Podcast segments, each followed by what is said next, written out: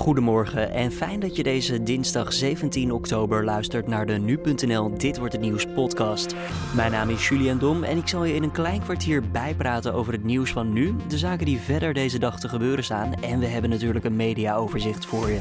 Deze podcast kan je door de week vinden op Nu.nl om 6 uur ochtends. Zometeen aandacht voor een 3D geprinte fietsersbrug en speculaaskoek van Henk Schiefmacher. Maar eerst gaan we even kijken naar het belangrijkste nieuws van dit moment. Vrouwen melden zich vorig jaar vaker ziek dan mannen. Dat ging op voor alle leeftijdsgroepen. De vrouwen tussen de 25 en 35 jaar waren zelfs tweemaal zo vaak niet aanwezig op hun werk. Dat blijkt uit een nationale enquête arbeidsomstandigheden van het Centraal Bureau voor de Statistiek samen met TNO. Voor de geluidsberekening in het Milieueffectrapport voor luchthaven Lelystad is gebruik gemaakt van enkele verkeerde aannames. Dat schrijft demissionair staatssecretaris Sharon Dijksma van Infrastructuur en Milieu in een brief aan de Tweede Kamer. Sommige gegevens van landende vliegtuigen zijn voor de geluidsberekening van het rapport te laag verondersteld, al dus Dijksma. Die overigens niet verwacht dat missers gevolgen zullen hebben voor de gekozen vliegroutes en voor de opening van de luchthaven in 2019. Op last van het Spaanse Hoogrechtshof zijn twee leiders van Catalaanse afscheidingsbewegingen gearresteerd. Beide mannen waren volgens de officier van justitie sleutelfiguren in de organisatie van het referendum over de onafhankelijkheid afgelopen 1 oktober. Dan kijken we even naar de nieuwsagenda van deze dinsdag 17 oktober. In Amsterdam wordt een nieuw soort speculaas gepresenteerd. Eentje ontworpen door tatoeagelegende Henk Schiefmacher. Samen met bakkerij Hartogs Volkoren bakken ze voor het goede doel. We praten daarover met Schiefmacher en alleen de oorsprong van dit idee is al uniek. Ik zat in het café en daar zat bakker Fred. En die was ook op zijn vrijdagmiddag bezig. En uh, iedereen was aardig aangeschoten. En uh, dus, dus schoven we even op, op een of andere manier aan, aan de tafel, even kletsen. En toen ging het in één keer over een koekje. En ik wil altijd, ik, ben, ik heb het gevoel dat ik een volkskunstenaar ben.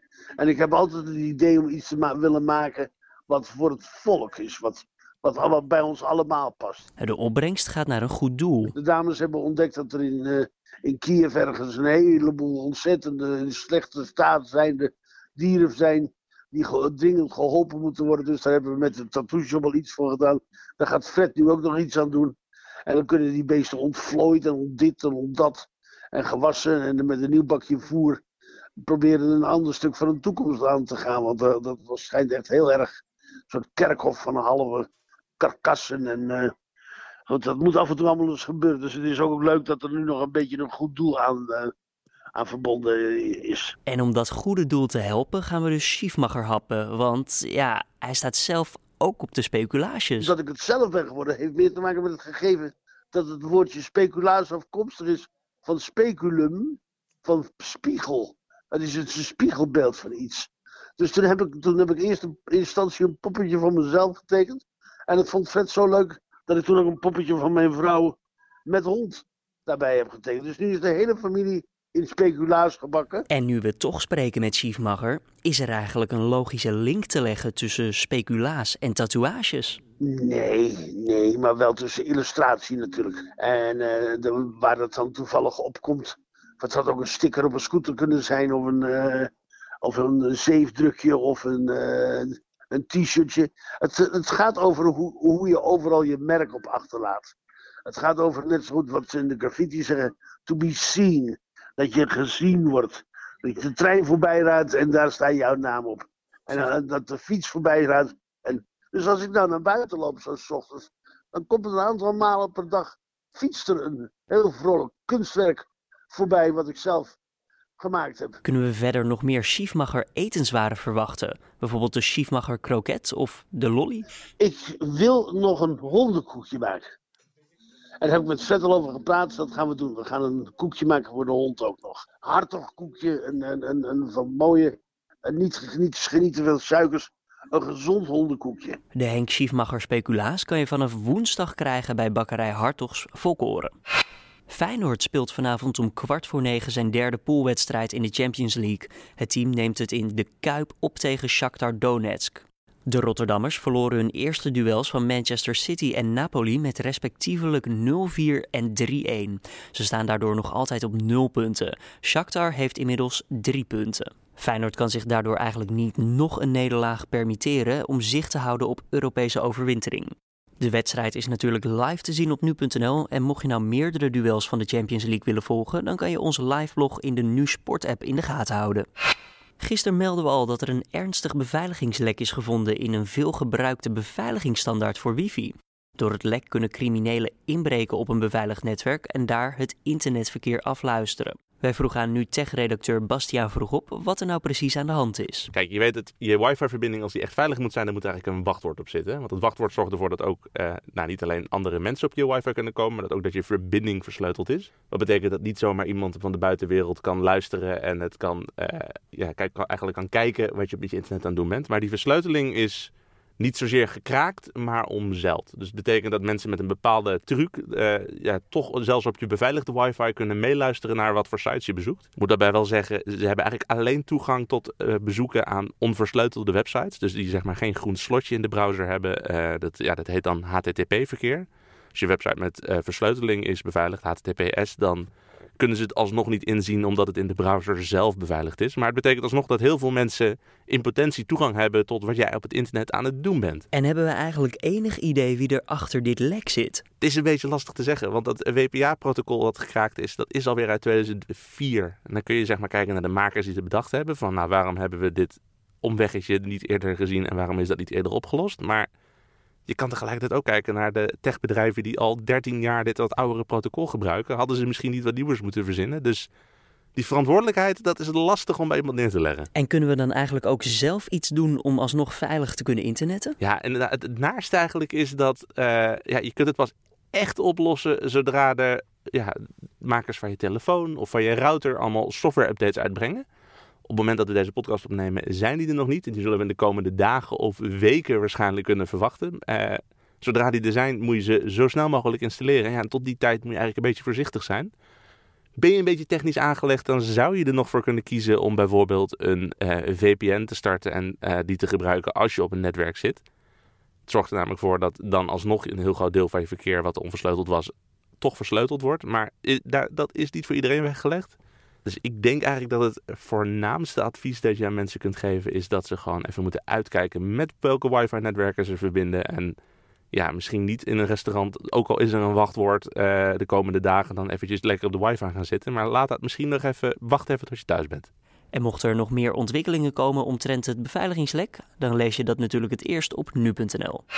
Vandaag zal de eerste volledig constructief 3D-geprinte voorgespannen betonnen fietsbrug ter wereld in gebruik genomen worden.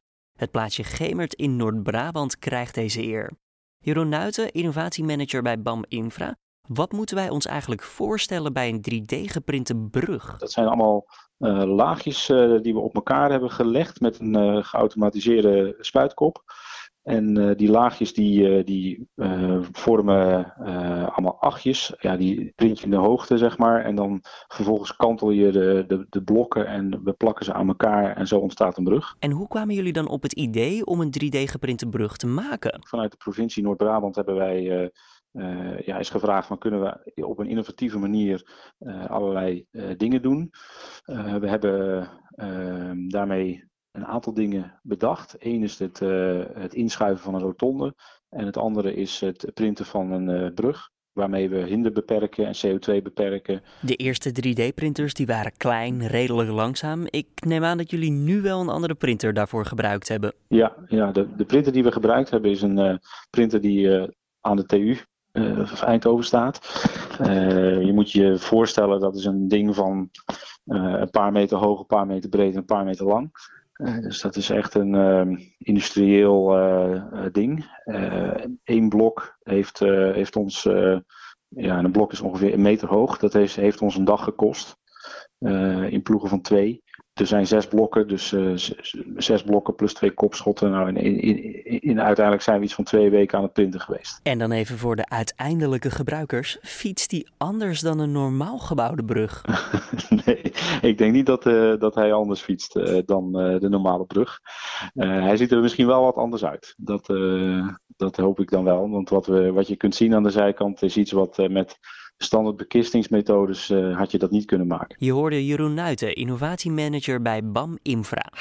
In Parijs wordt het parcours voor de 105e Tour de France gepresenteerd vandaag. Nu al is bekend dat de belangrijkste wielerronde van het jaar start op de beruchte Passage de Gois, een weg die bij vloed onder water staat. De derde etappe is een ploegentijdrit. De afgelopen dagen lekte er al wat informatie uit over het tourparcours van 2018. Zo zou er onder andere een beklimming van de Alpe d'Huez in zitten. Evenals een tijdrit van zo'n 30 kilometer op de voorlaatste dag in het zuidwesten van Frankrijk. Houd nu.nl goed in de gaten, want later vandaag lees je daar dan ook alle informatie over het gehele parcours.